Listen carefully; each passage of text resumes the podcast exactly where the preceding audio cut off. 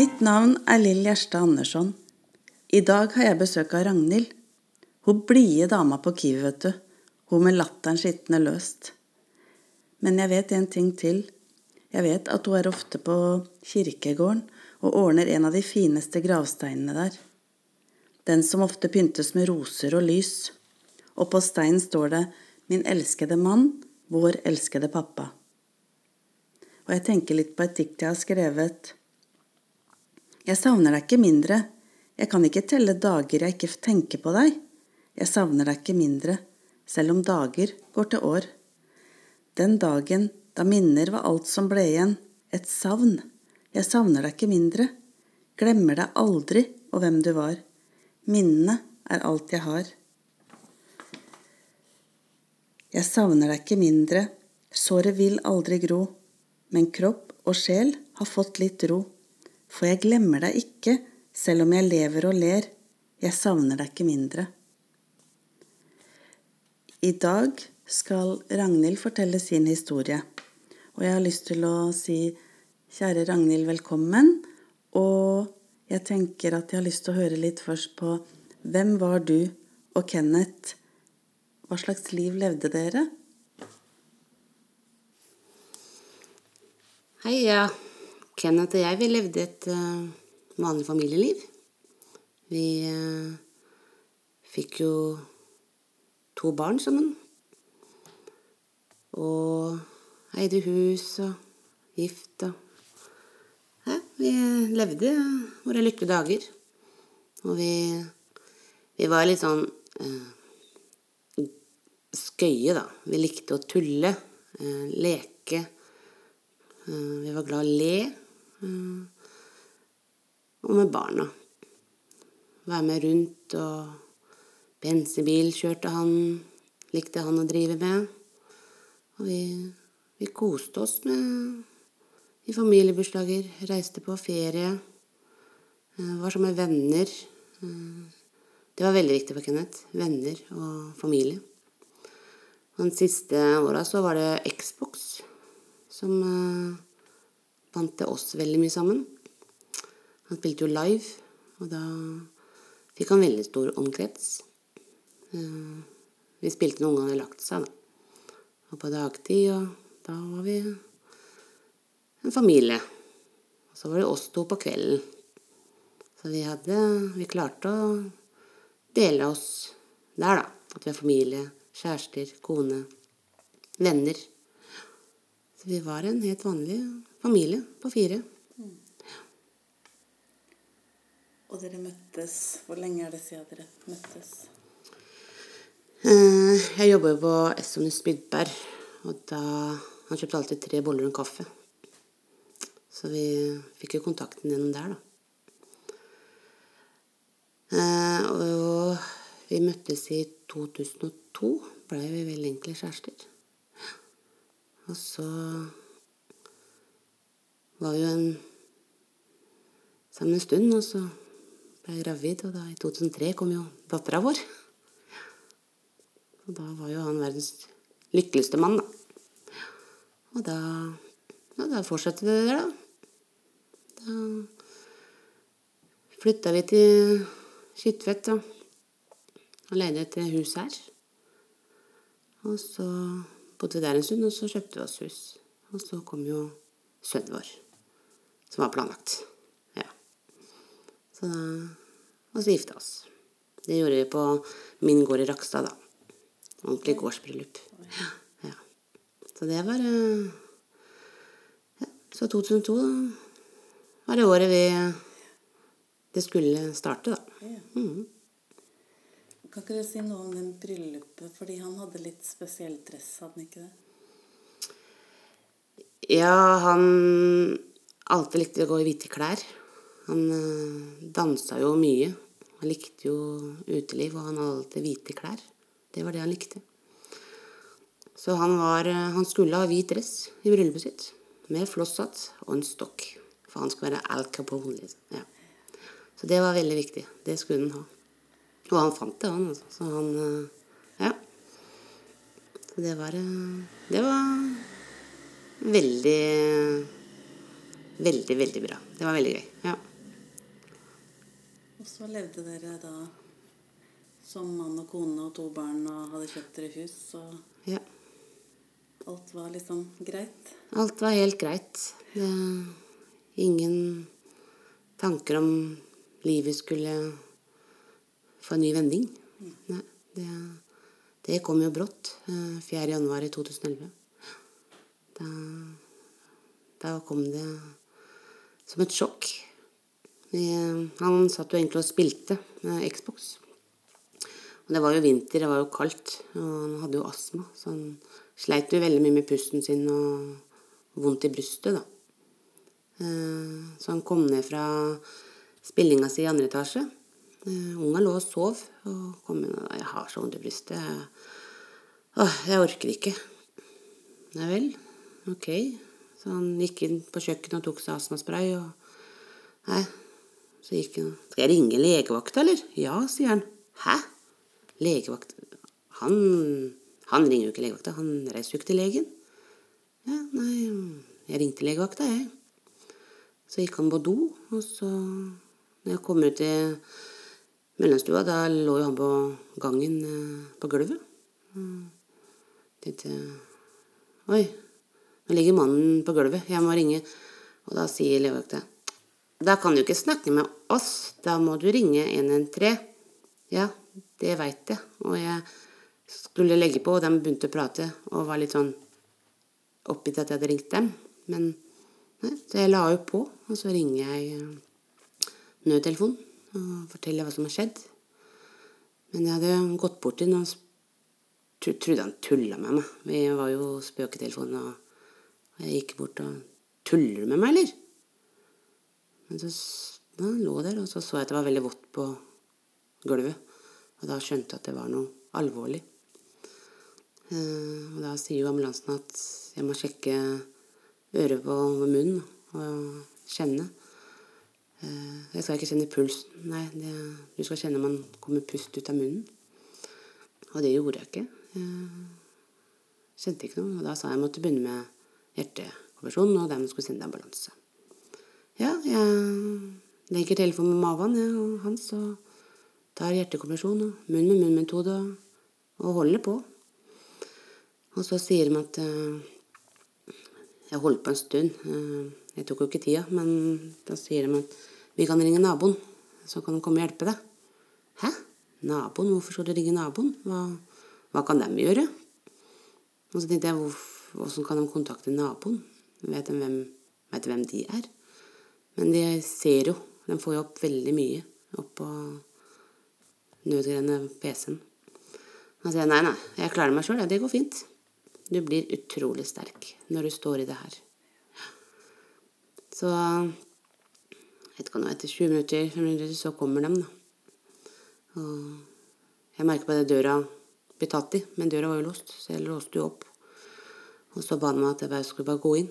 De skulle ta over. Eh, Så bare fortelle dem hva som har skjedd, og ja. Så de eh, fortsetter eh, det de gjør. Og ene tar jo meg bort at det går bra, du kan ringe noen. Hva vil du sette deg bort, liksom? Nei, ja, men vi skal jo på ambulansen. Vi skal, skal, skal dere ikke reise? Nei, vi kan ikke reise med han før vi får i gang han igjen. Eh, vi kan ikke flytte den på han. Nei vel. Nei. Men eh, jeg må ringe broren min, tenkte jeg. Man ringer alltid storebroren sin når ting skjer. Så jeg ringer broren min og spør om han kan komme og passe unga mens jeg må på sjukehuset, for Kenneth har falt om. Ja, ja, nei, det var ikke noe problem. Han skulle komme. Så han kom, han. Eh, Og da hadde jeg jo sittet inne i stua, da, så jeg ikke skulle se eh, når ambulansen eh, hjalp Kenneth. Og jeg Og Kenneth kom Eller Kenneth, ja. broren min kommer inn. Og så sier han at Ja, jeg blir her med deg, og det går bra. Vi sitter her. Og så Da tenkte jeg Jeg syns jeg har brukt så lang tid. Så spør jeg broren min om han kan finne ut hva som skjer. Og han spør jo hva skjer, liksom.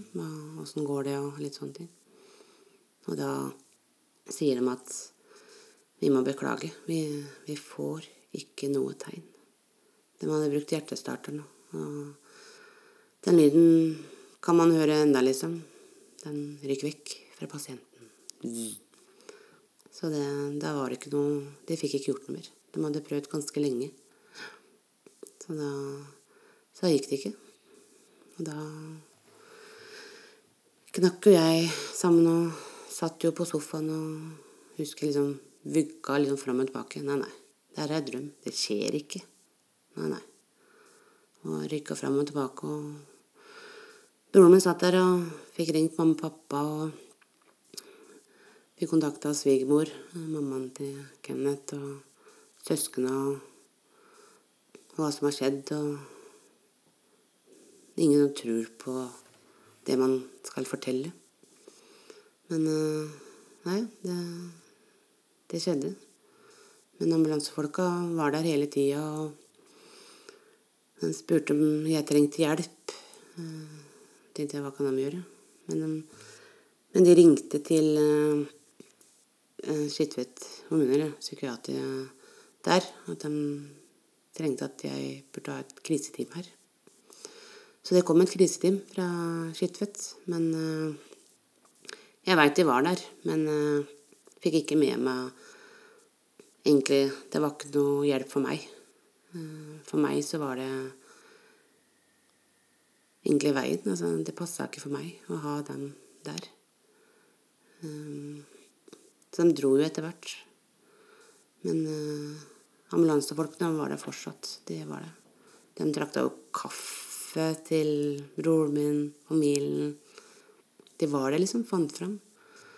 Um, de tente lys for Kenneth og satt ved siden av han. For han ble jo liggende der en stund fordi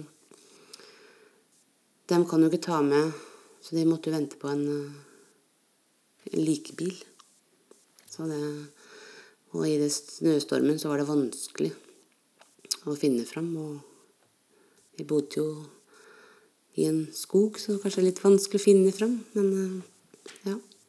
Det tok, tok en stund at de kom dit. Så det, det var mange Du tenker alt tar tid. Men jeg var utslitt.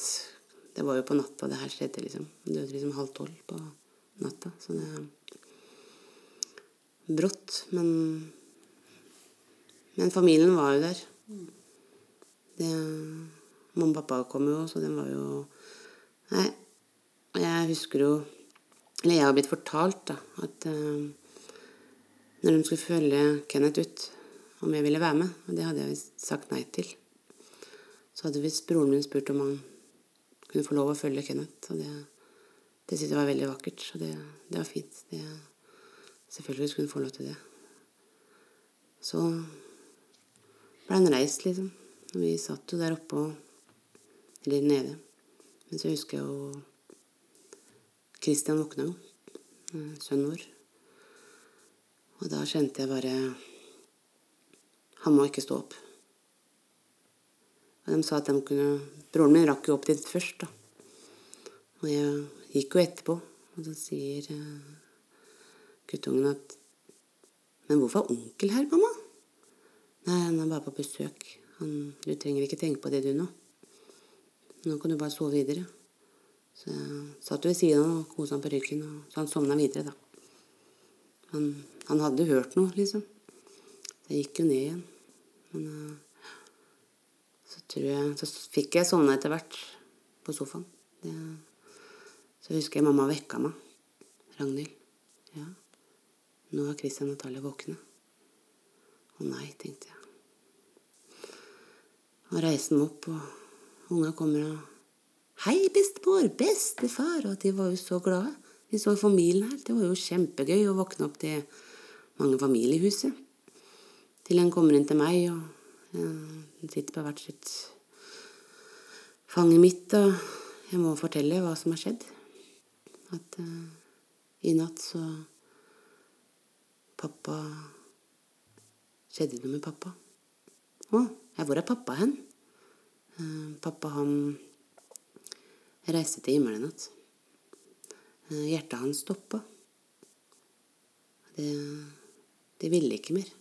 Så han ble litt sjuk. Så da Så han må Så han har reist. Ja, man Natalia skjønte nok det mer. Og gråt. Christian bare Ja, ja. Tenkte ikke mer på det. Han var jo på over fire år, så han tenkte jo ikke mer. Men han var Kristian var greit, han var, trengte ikke gå i barndommen. Natalie ville på skolen, for hun skulle jo gå på skøyter. Ja, men jeg tror kanskje det er godt at du kanskje er hjemme med oss. Ja, kanskje, nei. Så var veldig usikker på det. Men hun ble hjemme. Det gjorde hun. Men det var Nei, det var en rar dag. Bare gå i svime, liksom. Ikke Bare tenke hva som har skjedd, eller har det skjedd? Og det Ja, nei. Og så må du jo midt oppi det sjokket du står i da, hente liksom noen krefter til å ta vare på Christian og Natalia. Ja. Eh, Hvor henter vi de kreftene fra? Den henter vi fra hjertet. Eh, Mammainstinktet. Fordi jeg har jo ikke noe valg. Jeg må være for dem. De trenger meg. De trenger en voksen å være der. De trenger en mamma. Når pappa ikke er her, så må de ha mamma. Og det har jeg jo fått høre. Du er så sterk. Jeg hadde lagt meg ned og Ja, det skulle jeg gjerne gjort. Men jeg klarer ikke. Jeg, jeg kan jo ikke. Jeg har to barn. Jeg må være der for dem. Jeg må hjelpe dem. Eh, Men å hjelpe dem hjelper jo også meg. Å være sammen med unga. Så det er jo viktig, det òg. Så det Og det merker jo også den viktigheten å være der når noe skjer. Du ser jo familien var jo der. Både min familie var mye støtte. Og Kenneths familie. Eh, Det er jo tøft for dem òg. Men de var jo der for unga, og meg òg.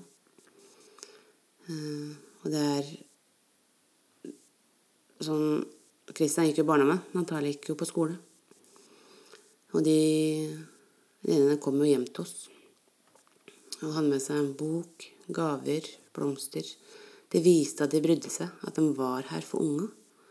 Eh, og det er veldig godt. Eh, I hvert fall når du sender dem i barndommen og skolen. Eh, de fikk lov å tenne lys hver dag, helt fram til begravelsen. Hver morgen fikk de ha sin tid og tenne lys for pappaen sin, som ikke var her lenger. Og det var veldig godt. Og det, det var veldig godt for unga. For dem 'Å, i dag skal vi tenne lys for pappa igjen'. Vi må ikke glemme å reise. Så de Nei, det var veldig godt for dem. Og det er veldig godt for mamma, som meg, da, å være Vite at de har det bra i barnehageskolen. At det er andre som støtter dem. De er der for dem og bryr seg. Så det, det er utrolig, det setter utrolig pris på, barnehagen og den skolen. Det tror jeg er kjempeviktig. Ja. Og så skal du gjennom en begravelse. Du skal videre på en måte og følge ham til, til grava. Og dere er eh, Hvor gamle var dere når dette skjedde? ja det var vi 33. Eh, så det var jo ikke det man planlegger. Eh, der stilte jo mamma opp, og jeg har jo aldri gjort det før. Men det, det, var, det rare var at um, det gikk greit. For jeg ville bare gjøre det jeg visste Kenneth ville ha. Hvit kiste og som blomster. Um, og jeg var så Én ting jeg ville ha, det var Jeg ville ha brudedressen han gifta seg i. Den ville jeg at den skulle um, begraves i. Og det ordna begravelsesbyrået, og fikk ordna det. Så han fikk den dressen. Eller jeg fikk kjøpt den. Nå var det faktisk billigere å kjøpe den og leie den. så det Så det fikk han beredt seg i, og det var veldig godt for meg. At han fikk den dressen. For han hadde egentlig lyst til å kjøpe den. Og han ble veldig glad i den etter den dagen vi gifta oss. Så det Så jeg følte at jeg fikk oppfylt det her, da. Og jeg hadde jo livemusikk, eller Det er en som bodde i Trondheim, som spilte Xbox med Kenneth. Han spilte også gitar. Så han lagde jo en Han spilte jo gitar og la ut på YouTube. Uh, minne om Kenneth. Uh, og den var jo veldig knytta til den sangen. Eller med Gary Moore, da. Men jeg hadde så lyst til at han skulle spille i begravelsen. Um, og det fikk vi jo til. Um, takk være sjefen til Kenneth, som jobba på uh, felgservice. Og da fikk han kommet med fly. Han spilte den sangen i begravelsen. Og da åpna for at Kristian gråt masse. Jeg gråt. Altså Men du skal liksom holde Ja, du vil ikke knekke helt heller, for du må være der. Men det var Jeg syns det var så fin avskjed til, til Kenneth. Og det er ikke noe jeg angrer på, for du får jo ikke angre når du har gjort det. Du kan ikke gjøre det her igjen. Det er én gang. Og det var jo Kirken var full. Og det er jo godt å si at det er mange som brydde sammen. At han, han satte sine spor. Så jeg er litt Etter den tida så er jeg ikke veldig sånn kondolerer-person lenger. Jeg sender eller tenker på deg, eller sender en klem. For etter å ha stått der ute og hører aldri kondo, kondolerer, kondolerer du, du, Jeg klarer ikke det ordet. Jeg kan godt høre folk sier det, og lese det, men jeg klarer ikke bruke det ordet til andre. For jeg veit hva det betyr til meg.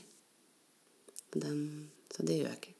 Men vi fikk en veldig fin avskjed, og og det er veldig godt å høre andre turte å si det til meg. At det var en veldig fin avskjed, Ragnhild, til Kenneth. At folk turte å si til meg, det, det er veldig godt. For å få en liten bekreftelse at jeg har gjort det riktig. Og jeg tror, tror, det blir så viktig for oss å på en måte hedre den som har gått bort, ved å legge litt av det, mm, altså her da, Kenneth sin sjel i sjølve begravelsen. Ja. At du liksom viser 'sånn var han'. Eh, og det er ikke alltid vi klarer å tenke det når det skjer så brått. Vi kan bli helt sånn utslått over lang tid og sånn. Så det må jo gi deg noe nå, da, lenge etterpå, at uh, du faktisk klarte å gjøre det. Ja. Og det er ganske utrolig at jeg egentlig klarte det. Ja. Um, selvfølgelig gruer jeg meg veldig den dagen. 14 eh, dager etter um, han døde. Han ble jo obdusert, så det tok litt tid. Men å få den avskjeden var så godt eh, for å gi han et sted at jeg kan At jeg klarte det å tenke Men altså at han sto i fokuset når jeg tenkte på en begravelse. Hva han vil ha. Altså Sigmor også var jo der. Eh, og jeg visste jo Det var bare Han måtte være der. Han skulle ha de sangene. Han skulle ha Det skulle være en fest også. Han var jo en glad person. Så vi skulle ha bra musikk. Vi skulle ikke ha bare triste sanger. Så det Nei, den følelsen er veldig god. Og, det, og jeg husker jo begravelsen. Eh, og blomster man husker jo ikke alle folkene som var der. Det gjør man ikke. Men ja, jeg At det skulle gå litt lettere enn jeg trodde, Det var litt vanskelig, men da fikk jeg prate om den. Jeg fikk vise at jeg brydde meg om den. Og, så det gjorde at det gikk greit. Men jeg tror det, det var fin Det er kanskje vanskelig å si fin, men det var en fin måte for meg å hedre Kenneth. Det er bra. Ja. For det er det vi ofte tenker etterpå sånn Hvorfor gjorde jeg ikke sånn? Jeg... Men det å vite at akkurat der så gjorde jeg bare det som var riktig for dere. Ja. Mm. Jeg er ikke noe Jeg har ikke noe, liksom, noe å si faktisk om det. Så det er veldig deilig. Mm. For du, du, får jo veldig 'Hvorfor gjorde jeg ikke det?' Åh, jeg kunne ønske jeg kunne gjort det. Mm. For du tenker jo alltid hva vi ikke hadde krangla Altså, den følelsen. Det er veldig vondt hvis du skulle krangla, eller hvis du Det her glemte jeg. Det skulle jeg gjort, men ikke gjorde det. Så det, det er jeg veldig glad at, at jeg ikke har hatt det på meg òg. Når man har sorgen, så er det egentlig nok med sorg og savn. vi er gode på å klandre oss, og hvis vi klarer å finne det gode istedenfor, så gjør det jo lettere å finne de gode minnene. Ja. Mm. Ja, det gjør det. det Og så går jo Så er begravelsen ferdig. Livet går på en måte videre for eh, menneskene rundt, da. Hva, hva gjør man da, når man står igjen der man er enke, 33 år og to små barn? Og et stort hus? Og et stort hus. Ja, nei, det var ganske vanskelig. Eh, mamma og pappa bodde hos meg helt fram til begravelsen. Eh, og noen dager. Eh, broren min og søsteren min også bytta på å være hos meg, så mamma og pappa kunne få litt fri. Men etter begravelsen så har jeg jo tenkt at jeg må jo klare meg. Jeg må jo, jeg må jo starte et sted. Men så har jeg jo en venninnegjeng som vi spiller jo Noen har styrmøte, vi har kortkveld. Eh, og de jentene de bytta på å være hos meg den kvelden og natta. De satt til tre på natta, enda de skulle på jobb. Så de bytta på å sitte hos meg. Og den omsorgen de viser de jentene, det har jeg ikke glemt. Um, og det har satt veldig godt spor. Og godt at, at de bryr seg. At vi kan snakke om alt. At, de, at man orker, andre personer kan orke å sitte og høre på. For når, etter det har skjedd, du har lyst til å bare prate om Kenneth. Å ja, ja, altså, hvis du sier en ting Ja, det er sånn gjorde Kenneth òg. Du prater alltid om han. Og det er veldig godt å få bekrefta at Men Ragnhild, du kan bare prate om det. Det går helt fint. Ja, men jeg blir sikkert lei. Nei, nei. Den støtta, det er så godt. At du ikke får avvisning når man trenger For du trenger å prate om han. Jeg er jo veldig glad i å prate. Og jeg er veldig åpen, så jeg trenger å prate om ting. Mhm. Så, ja. Og jeg tenker også at du ganske tidlig gjorde om eh, Facebook-siden hans til eh, en minneside. Ja, jeg, laget, jeg opprettet en minneside. Ja. Mm. Ja. Var det eh, bevisst fordi du ønsker å dele eh, no, det du skriver om han, eller var det også for å få inn de vennene dere hadde fått litt rundt om i hele landet, da, ved at dere spilte over nett og sånn? Ja. Det var nok egentlig begge deler. Jeg, jeg tenkte på at han må minnes. Han skal ikke bli glemt. Jeg ville ikke at eh, Jeg ville ikke han skulle bli glemt. For det Som du sier, at livet går jo videre for mange. Og det gjør det for alle. Men jeg trengte bare at han måtte også være der. Så jeg opprettet en eh, minneside til minne om Kenneth eh, Dyver. Og, jeg, og da kunne jeg skrive om hva jeg følte eh, Legge ut ting når det er datoer. Jeg gratulerte med ham med dagen eh, på den sida. Og da får du jo hjertet tilbake, klem, vi tenker på deg. Og det gjorde jeg på min egen Facebook-status òg. Eh, så jeg brukte jo nettet som terapi. Fordi det er jo ikke alle som tør å komme til personen, ringe.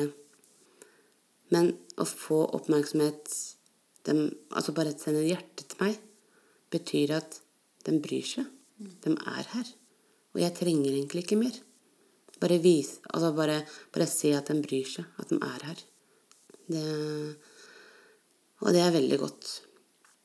Så det Nett og Facebook og ja, det, det kan brukes til mye. For meg brukte jeg som terapi. Og det tenker jeg er en viktig side av det å få lov til å sørge. Um, og så tenker jeg at det ikke kan gå på bekostning av at man også trenger noen som er der fysisk. Men kanskje ikke alle må være det. For noen syns det er for vanskelig å Ja. banke på den døra, eller Ja. kanskje passer det ikke helt heller, for man har ikke hatt kontakt på en stund, eller Ja. Um, Men jeg tenker de kan gå litt sånn om hverandre, da. At det er ikke noe det er ikke noe negativt om du sender det hjertet eller kommer med en ekstra kommentar der, eh, så lenge du også har noen andre som bryr seg eh, Ja. sånn rent fysisk. Ja. Det er det som jeg syns er fint med nettet. At jeg skjønner at det er veldig vanskelig um, når ting skjer. Og du tenker på den personen, vi har lyst til å være der, men vi tør ikke. Vi er redd for å skulle gjøre feil. Uh, det kan hende den blir Det er ikke sikkert de klarer å se en person har det vondt. Det er ganske vanskelig å se en person som har det vondt. Og jeg, og jeg tenker Det er derfor man har nå nett. Man kan formidle gjennom nettet. Så alt trenger ikke gå personlig. Eller være sånn fram, da. Og da er det ganske godt med nettet. At det kan brukes til positivt. Og da er det godt med at folk kan sende hjerte. Vi tenker på deg. Det er lite som skal til. Ja. Det er jeg enig i. Og så skjønner du etter hvert at eh, barna dine trenger et sted å få lov til å møte andre i samme situasjon. Ja, jeg eh, gikk jo samtale med sånn psykiatrisk sykepleier. Og anbefalte sånn sorggruppe. Eh, snakke også med andre om, som opplever å miste sin ektefelle eller en samboer. Og jeg, eh, jeg reiste på det. Jeg har til og med vært på tre sorggrupper. Og i ene sorggruppa sa jeg at eh, jeg kunne ønske at jeg fant en sorggruppe for barn. For jeg ser at barn trenger også å se og snakke med noen andre som også har mista en av de sine forbilder, en av sine foreldre. Det kan også være søsken. Altså, barn trenger faktisk å være med i hverdagen og se og prate om det her. Og det gikk jo. Så unga fikk gå i sorggruppe og møte andre barn. De også hadde mista pappaen sin. eh, Og av hjertet. Eh, Og de blei veldig gode venner. Så vi har jo reist på ferie sammen. Altså, det knytter seg. Du, de prater jo ikke så mye som voksne i sorggruppe. Men voksne er De lar dem tegne. Hva føler du? Eh, Unga ville dit. Så vi var der en gang i måneden. Eh, og de gjorde det ganske Jeg tror nesten det ble faktisk flere år. De ville egentlig ikke gi seg. Men de blir jo voksne, dem òg. Og, det, og det er godt. En sorggruppe høres veldig ille ut, men det er veldig viktig. Og kan få prate om andre som har opplevd det. Du kan få den støtta. Eh, Du kan få tips om andre ting. Åssen du skal klare hverdagen. Åssen du skal komme gjennom en dato. Eh, For noen som har vært på sorgbe, har jo opplevd det her eh, kanskje litt før deg. Og det er også godt for meg som Jeg gikk jo der flere ganger. Men siste gangen så var det jo jeg som ikke var ny. Og da kan du hjelpe de andre hva jeg gjorde. Det er ikke sikkert det hjelper for den personen, men du er der at det er andre som også opplever det. Du er ikke alene. Og det er derfor jeg syns det var så viktig med barn. Fordi Sammen med sønnen min, han bare at eh, alle andre har jo pappaer, det har ikke jeg. Han syntes det var urettferdig og han skjønte ikke hvorfor. Og, det, og nå veit han hvorfor. Det kan skje. Og ikke bare Han var ikke helt aleine å føle på det. Nei. Nei. Det, er, det var flere barn som han, som også måtte gå til en grav og synge bursdagssang for. Uh, og det er Nei, jeg, bare, jeg syns bare sorggruppe sånn er ganske viktig. Eh, men jeg ser jo nå det er ikke så mye opplyst om det. Eh, så jeg veit ikke hvor mange som er det. Men hvis ingen veit om det, så er det jo vanskelig. Men for meg så var det veldig godt for å komme gjennom hverdagen. Og det er jo litt det liksom som er drivkraften min bak å invitere dere hit og ta en prat om det her. Fordi vi må liksom ufarliggjøre det å søke hjelp. Ja. Søke andre. Opplyse om det. Fordi det er alltid noen som opplever noe vanskelig. Det stopper ikke. Nei, det stopper ikke. Verden går videre, så det skjer alltid noe, på en måte. Og det er noe med at eh, det er ikke sånn at sorgen blir borte bare vi ikke snakker om det, så forsvinner den. Da ligger den og ulmer. Ja. Ja. Nei, hadde det vært eh, bare børsten deg på skulderen, så hadde det vært veldig lett. ja. Men det går jo ikke. Nei. Og da er det jo viktig For meg også er det veldig viktig å prate om det. Mm. det har hjulpet veldig mye. Eh, vi var jo Se og Hør en gang òg. Å prate gikk greit, men når dere sitter med Se og Hør og så leser om deg sjøl, så får du også det terapi, og du leser om deg sjøl. Hva du har opplevd. For det er annerledes når du prater om det, men når du leser om det også. Fordi da klarer du å kanskje anerkjenne historien til den du leser om, og så er det egentlig deg sjøl. Ja. Ja. Det er rart. Ja. Det er det. Er det. Og det Og jeg, jeg skjønner Du har jo lyst til å stenge den inne. Du har jo ikke lyst til å vise det fram. Jeg også var jo det. Jeg gikk jo med lue i butikken og gjemte meg. Jeg, det er en liten kommune. Alle veit hvem er. Men eh, Men du bare gjør det. Men for meg så er jo ikke jeg en person som stenger seg inne. Det er veldig forskjell. Men for meg, det er veldig godt å komme seg ut. Men du får den støtta. Du får jo ikke stygge blikk. Du får varme blikk. En oppmerksomhet. Å vite at ja, de veit hva som har skjedd. Men øh, nei, jeg, tenk, jeg tenker det er veldig godt. Og det har hjulpet meg. At jeg er ærlig og frampå. Og jeg er veldig ærlig mot unga. Unga veit alt som har skjedd. Lurer dem på noe, så får de vite det. For de trenger å vite det uansett hvor små de er. Bodde dere i et stort hus. Du hadde ja, liksom gårdsplass videre. Eh, hvordan klarer man å gjøre alt det som dere egentlig var to om å gjøre etterpå? Nei, da setter man et gir. Nei ehm, Det ble litt vanskelig i det huset. Og jeg eh, Christian sa det at han ventet alltid at pappa skulle komme inn i døra fra jobben. Men han gjorde jo ikke det. Så han hadde heller ikke lyst til å bo der. Og jeg, når jeg var inne i huset òg Jeg ville jo helst egentlig ikke være hjemme. Fordi jeg så jo det som skjedde. Jeg tenkte jo alltid på den brutale dagen. Så jeg tok med unga på visninger eh, i sentrum. Og etter en stund så kjøpte jeg meg et nytt hus i sentrum. Ved skole og fotballbane, skatebane. Og bestemte at jeg skal bare flytte. Så vi solgte huset og flytta inn nytt sted i september i samme året. Og det Nå, nå over ni år etter, eh, så kjenner jeg det her var riktig. Det har gjort skuldrene mine lettere. Jeg flytta til mindre hus. eh, Et sted som ikke trengte så mye å gjøre. Eh, Gamlehuset måtte jo males. Det trengtes å gjøre mye mer. Men vi tre trengte egentlig ikke stor plass. Så det, det har hjulpet meg masse å flytte. jeg hadde flytta fra et sted der vi kjøpte vårt første hus sammen.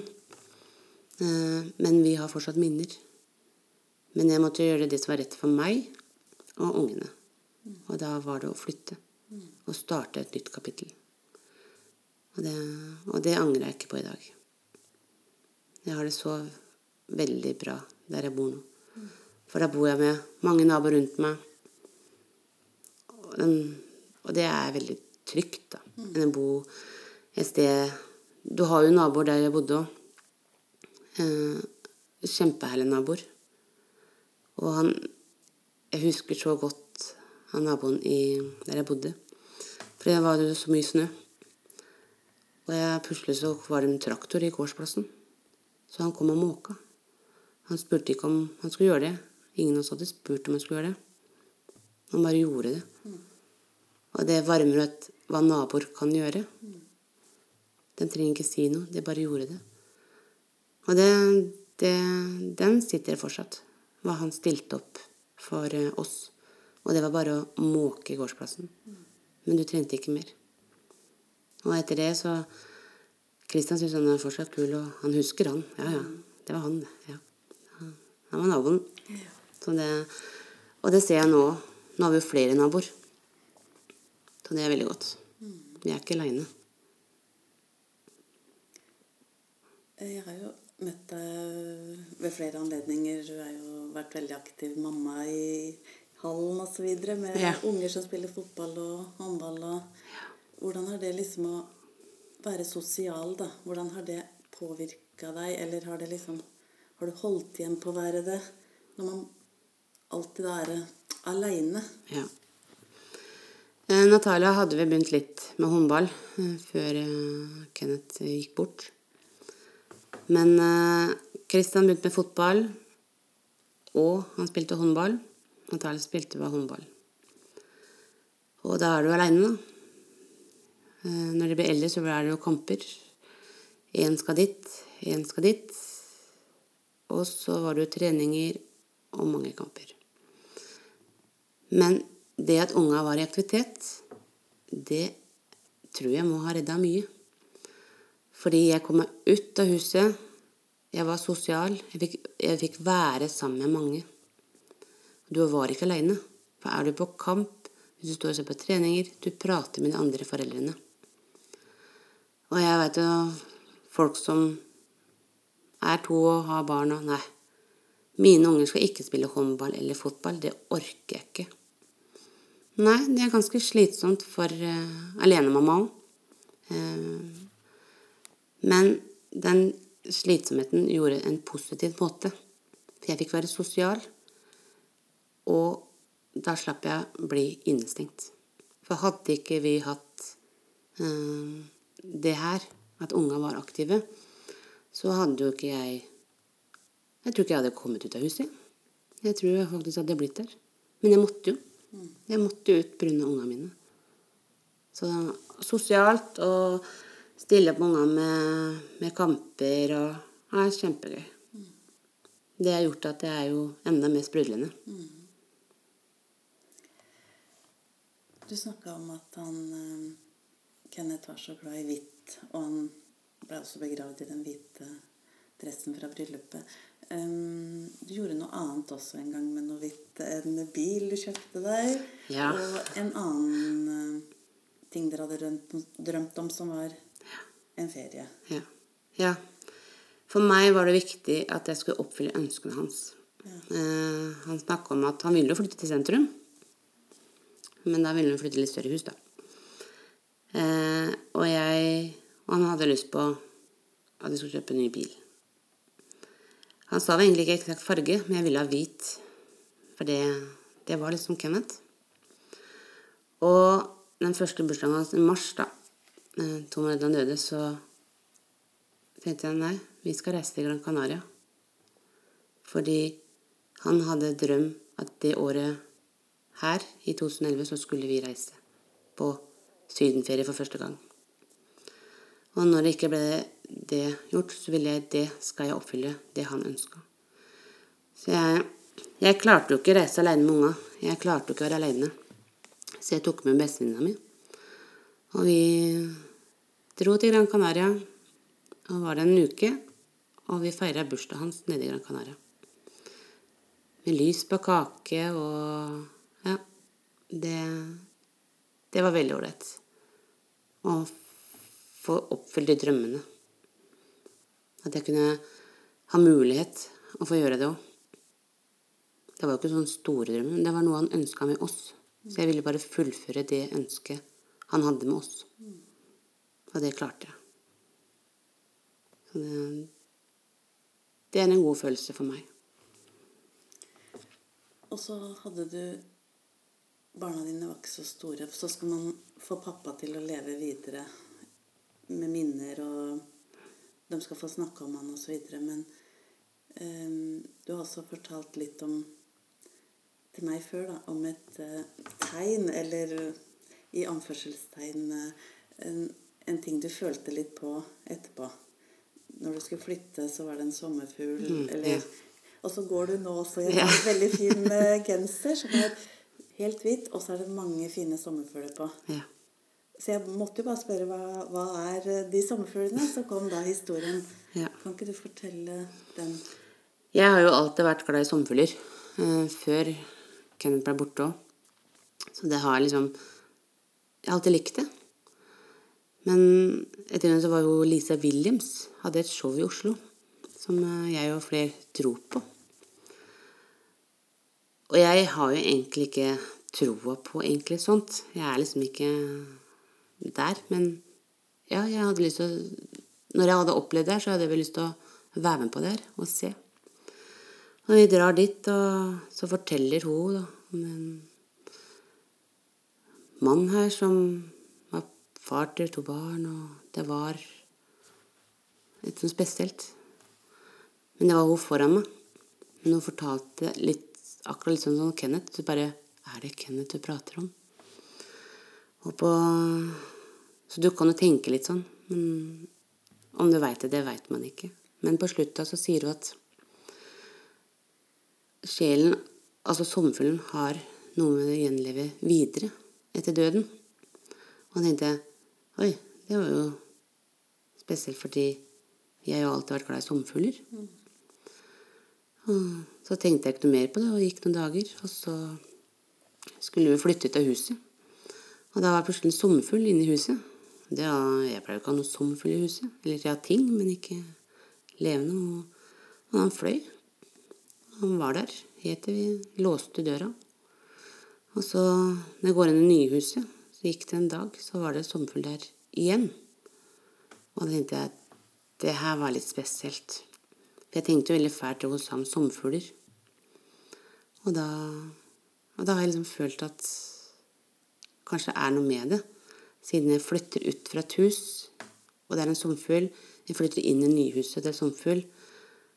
Og jeg tenker at det her var riktig. Og da følte jeg at jeg gjorde det også riktig det med flytting. For den sommerfuglen var jo der. Så det, så det har vært veldig spesielt. Jeg er jo veldig glad i sommerfugler. Og de som kjenner meg, er jo egentlig morsomt, fordi hvis de ser en sommerfugl, så tenker de på meg. Ja. Og det Ja. Men tror du ikke vi bare trenger det noen ganger? En bekreftelse. Og så får det være hva det er da bak det. Ja. Og så kan vi velge å i hvert fall følge den følelsen som er best eh, når det gjelder det. Den følelsen der, så tenkte jeg det her var ålreit. Ja. Da tenkte jeg har jeg blitt gal? Nei. Nei. Nei. Så det, nei, det, jeg var en bekreftelse, og jeg tenker at jeg var jo ikke gal. Nei.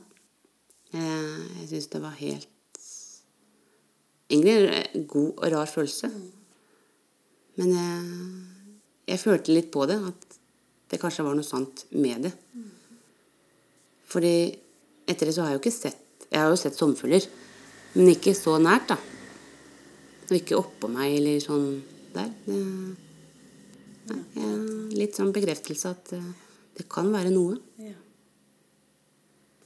Du sier at du legger ut eh, en hilsen til Kenneth på bursdagen hans eller ved andre anledninger. Men dere er også flinke i anførselstegn til å være på grava ved de anledningene også. Ja, det er veldig viktig. De første åra eh, så samla jo eh, familiene, eh, min og Kenneths familie, møttes på grava og tente lys. Da er det så vakkert. Du får så mye lys og blomster. Jeg har alltid vært uheldig med været. Det har alltid vært sur vind. Eller ja, 4. januar er jo litt kaldt. Og så samles vi hjemme hos meg. Så de første åra gjorde vi det. Men vi gjør det. 4. januar må vi eh, Vi må reise dit. Tenne lys. Og på bursdagen hans så reiser vi også med lys. Eh, første året så måtte vi ha med kake og lys. Og unga har jo stått og synget også. Han må jo ha bursdagssang. Så han lever jo fortsatt der. Og det er Kristian han sa er veldig viktig. At de har et sted de kan gå til. Enda han ikke er der, så er han der. Og, det, og de har jo sagt ja, men mamma, pappa er borte. Men han er jo fortsatt i hjertet vårt. Han er jo i hjernen vår. Ja, han er i hjernen vår. Ja. Han, han er jo alltid en pappa. Det har jo unga sagt òg. Han, han er alltid pappaen vår. Ja, det, det er noe. Så det var pappaen. Men Og det minnes, og de veit åssen datoer og hvilke dager og Så det er Det er godt å gå et sted og så stelle og være der. Og så er det veldig godt å komme dit og se at andre har vært der og tent lys og lagt ned blomster. Nei, det, det er jo sånn man dessverre må gå til. Men, eh, men eh, det er godt man har et sted man kan gå til. Så går du igjennom Ungene dine blir større. Natalia har konfirmert seg, og de opplever ting du har lyst til å dele med pappaen deres. Hvordan tar dere liksom med han i ja, F.eks. i konfirmasjonen. Liksom, blir han nevnt, eller? Ja, det var jo Jeg tenkte jo veldig fælt, for jeg tenkte jeg må jo holde tale. Men jeg spurte også Natalia først om hun syntes det var greit at jeg nevnte pappa. Om hun ville ha pappa inn i talen. Eh, ja, det ville hun. Ja, men da gjorde jeg det. Når du reiser opp og skal prate om det, altså du er så følsom av det er dattera di. Um, og jeg nevner jo at hva pappa gjorde Altså, han var så opptatt at du skulle komme til verden, at han kosa ikke mammaen din. Han slo henne. Og du er så flink, Ragnhild. Så bare slo og slo og slo. Uh, så du forteller litt hva han gjorde, da. Litt der. Så han er jo med oss. Og hadde vært stolt av henne. Men du får jo gråter, og da sier jeg jeg har jo allergi. Så det var jo allergi som det var, Tårene rant jo fordi jeg har allergi, ikke fordi jeg er følsom. Men øh, Og det syns hun var godt. For jeg tenkte at han må jo liksom få lov å være med. Vi lagde jo også bord. Søstera mi hjalp jo til. Eh, Det er veldig godt med å få mye hjelp når det er sånne store ting. Og den bordpynten og alt det vi gjorde, det, den hadde vi en helt lik som Kenneth hadde på grava si. Så han ble jo pynta likt, da. Så det, det var veldig vakkert. Det skjønner jeg. Men da Jeg tenker på det du opplevde da for eh, Var det ti år siden vi sier snart? Ja, snart, Ja, ja, ni år år siden. Ni og et halvt år siden. Hvordan setter det seg i kroppen din med det sjokket? Um, snakker jeg litt for meg sjøl, så setter det seg som en klo eller en angst eller uh, triggere man kan oppleve. Um, har du kjent på det? Jeg har nok blitt mer beskyttelse. Eh, kan ha blitt eh, Jeg er nok mer følsom også, i hvert fall overfor unga. Hvis noen puster unga feil, så må du møte mora, liksom. Så jeg er nok blitt en haukemor. Eh, fordi du er så redd. Det er dem du bekymrer deg for. Så du Jeg blir jo veldig det. Eh, men det trenger egentlig ikke være fordi Ungene skal jo trene og klare seg sjøl, dem òg. Og komme seg gjennom det her. Men tyngden blir jo kroppen. Eh, Jeg merker etter mange år etter at kroppen er jo tung og sliten. Fordi du har spent deg hele tida for å ikke være nede. Jeg merker jo veldig godt at kroppen begynner å slippe nå. Nå nå kan jeg være litt meg sjøl igjen, da. For du blir egentlig en annen Eller jeg blir en annen person som jeg vil at andre skal se. Eh, og jeg holder jo meg inne fordi du skal være der for unga. Men nå er jeg der for unga, men nå skal jeg også være for meg sjøl.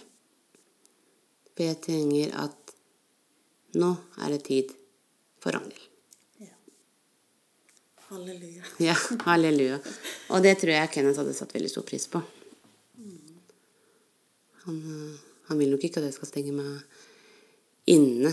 Han var jo ikke den personen.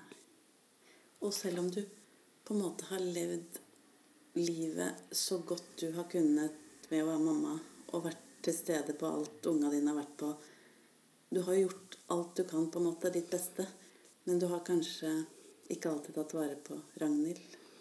Nei. Nei. Jeg har vel aldri tenkt på meg. Nei.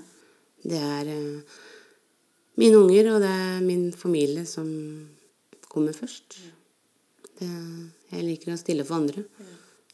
Men nå har jeg blitt litt sånn Jeg har lært litt nå. Nå har jo vennene sagt til meg, Ragnhild, nå er det på tide at du tenker på deg sjøl. Vær egoist. Men så er det på en måte ikke å være egoist, for det betyr jo også at det blir goder på de andre når du får det bedre med deg sjøl. Ja. Ja. Det tror jeg òg, ja. Jeg har alltid vært en glad person. Men jeg blir nok en lettere og enda mer gladere person. Ja, det det. At jeg faktisk kommer litt mer fram. Og da er det da liksom spørsmålet sånn mot slutten sånn Tør man å tenke videre? Tør man å drømme om å finne kjærligheten på nytt? Det har tatt lang tid, for jeg har trodd at det gjør man ikke. Fordi du sitter i de skoa du sitter i. Da. Du har et fått et annet liv. Men eh, ja, nå har jeg bestemt at jeg har kommet meg videre. Jeg har klart meg å vokse. Og jeg er veldig Ja, jeg føler meg Nå er jeg rett til å være meg sjøl. Og jeg trenger ikke tenke på hva andre tenker. For der har jo jeg slitt med. Hva folk tenker. Men nå har jeg jo snakka med flere, og dem syns at Tenk på det sjøl. Gjør noe gøy. Og jeg har tenkt at Og det har jo unga sagt òg. De vil jo se mamma finne på noe nytt. Være en ny, da. Bli ny, heter det. Så jeg, ja. Så nå får vi klar for ny kjærlighet. Og da får vi se om det fins noe kjærlighet i ny, nye året. Ja. Og det uansett, da, så ved å begynne å ta også hensyn til seg sjøl, da, så tror jeg kanskje det åpner opp litt mer for den kjærligheten også. Ja. Jeg har jo vært en person som stenger seg inne, liksom. Men ja, jeg er åpen for å være kjærlighet og, vise, og gi kjærlighet eh, til noen andre òg. Og eh, jeg gir jo mye kjærlighet, men gi en annen kjærlighet. En annen følelse. Være Ja, bli sånn fnisete igjen, eller ja, Det er det, vet du. Og det har du jo akkurat fortalt at det var sånn du og Kenneth hadde det. Ja. Og det betyr jo ikke at han blir jo ikke borte fra hjertet ditt. Der har han en plass uansett. Der kommer han, han kommer alltid være der. Ja. Enda han Enda man går videre Ja. og er klar for å starte noe nytt, så kommer han alltid være der, for det er pappa sine unger. Jeg valgte jo ikke å gå fra Kenneth. Så han er jo Så han blir jo fortsatt i mitt liv. Ja. Men han tar ikke den store kjærlighetens plass. Sånn at det stopper deg for å leve videre. Tusen takk for at du har turt å være så åpen. Jeg tror det er så viktig for eh, dem som hører. Ja. Takk for at du ville høre på praten min. Ja. Så da har jeg en bok til deg. Og Å, tusen sånn, takk. litt sånn minne fra denne dagen, da. Ja. ja, tusen takk. Det var veldig koselig. Ja. Det er godt å prate. Så heier vi på kjærligheten. Ja. Takk.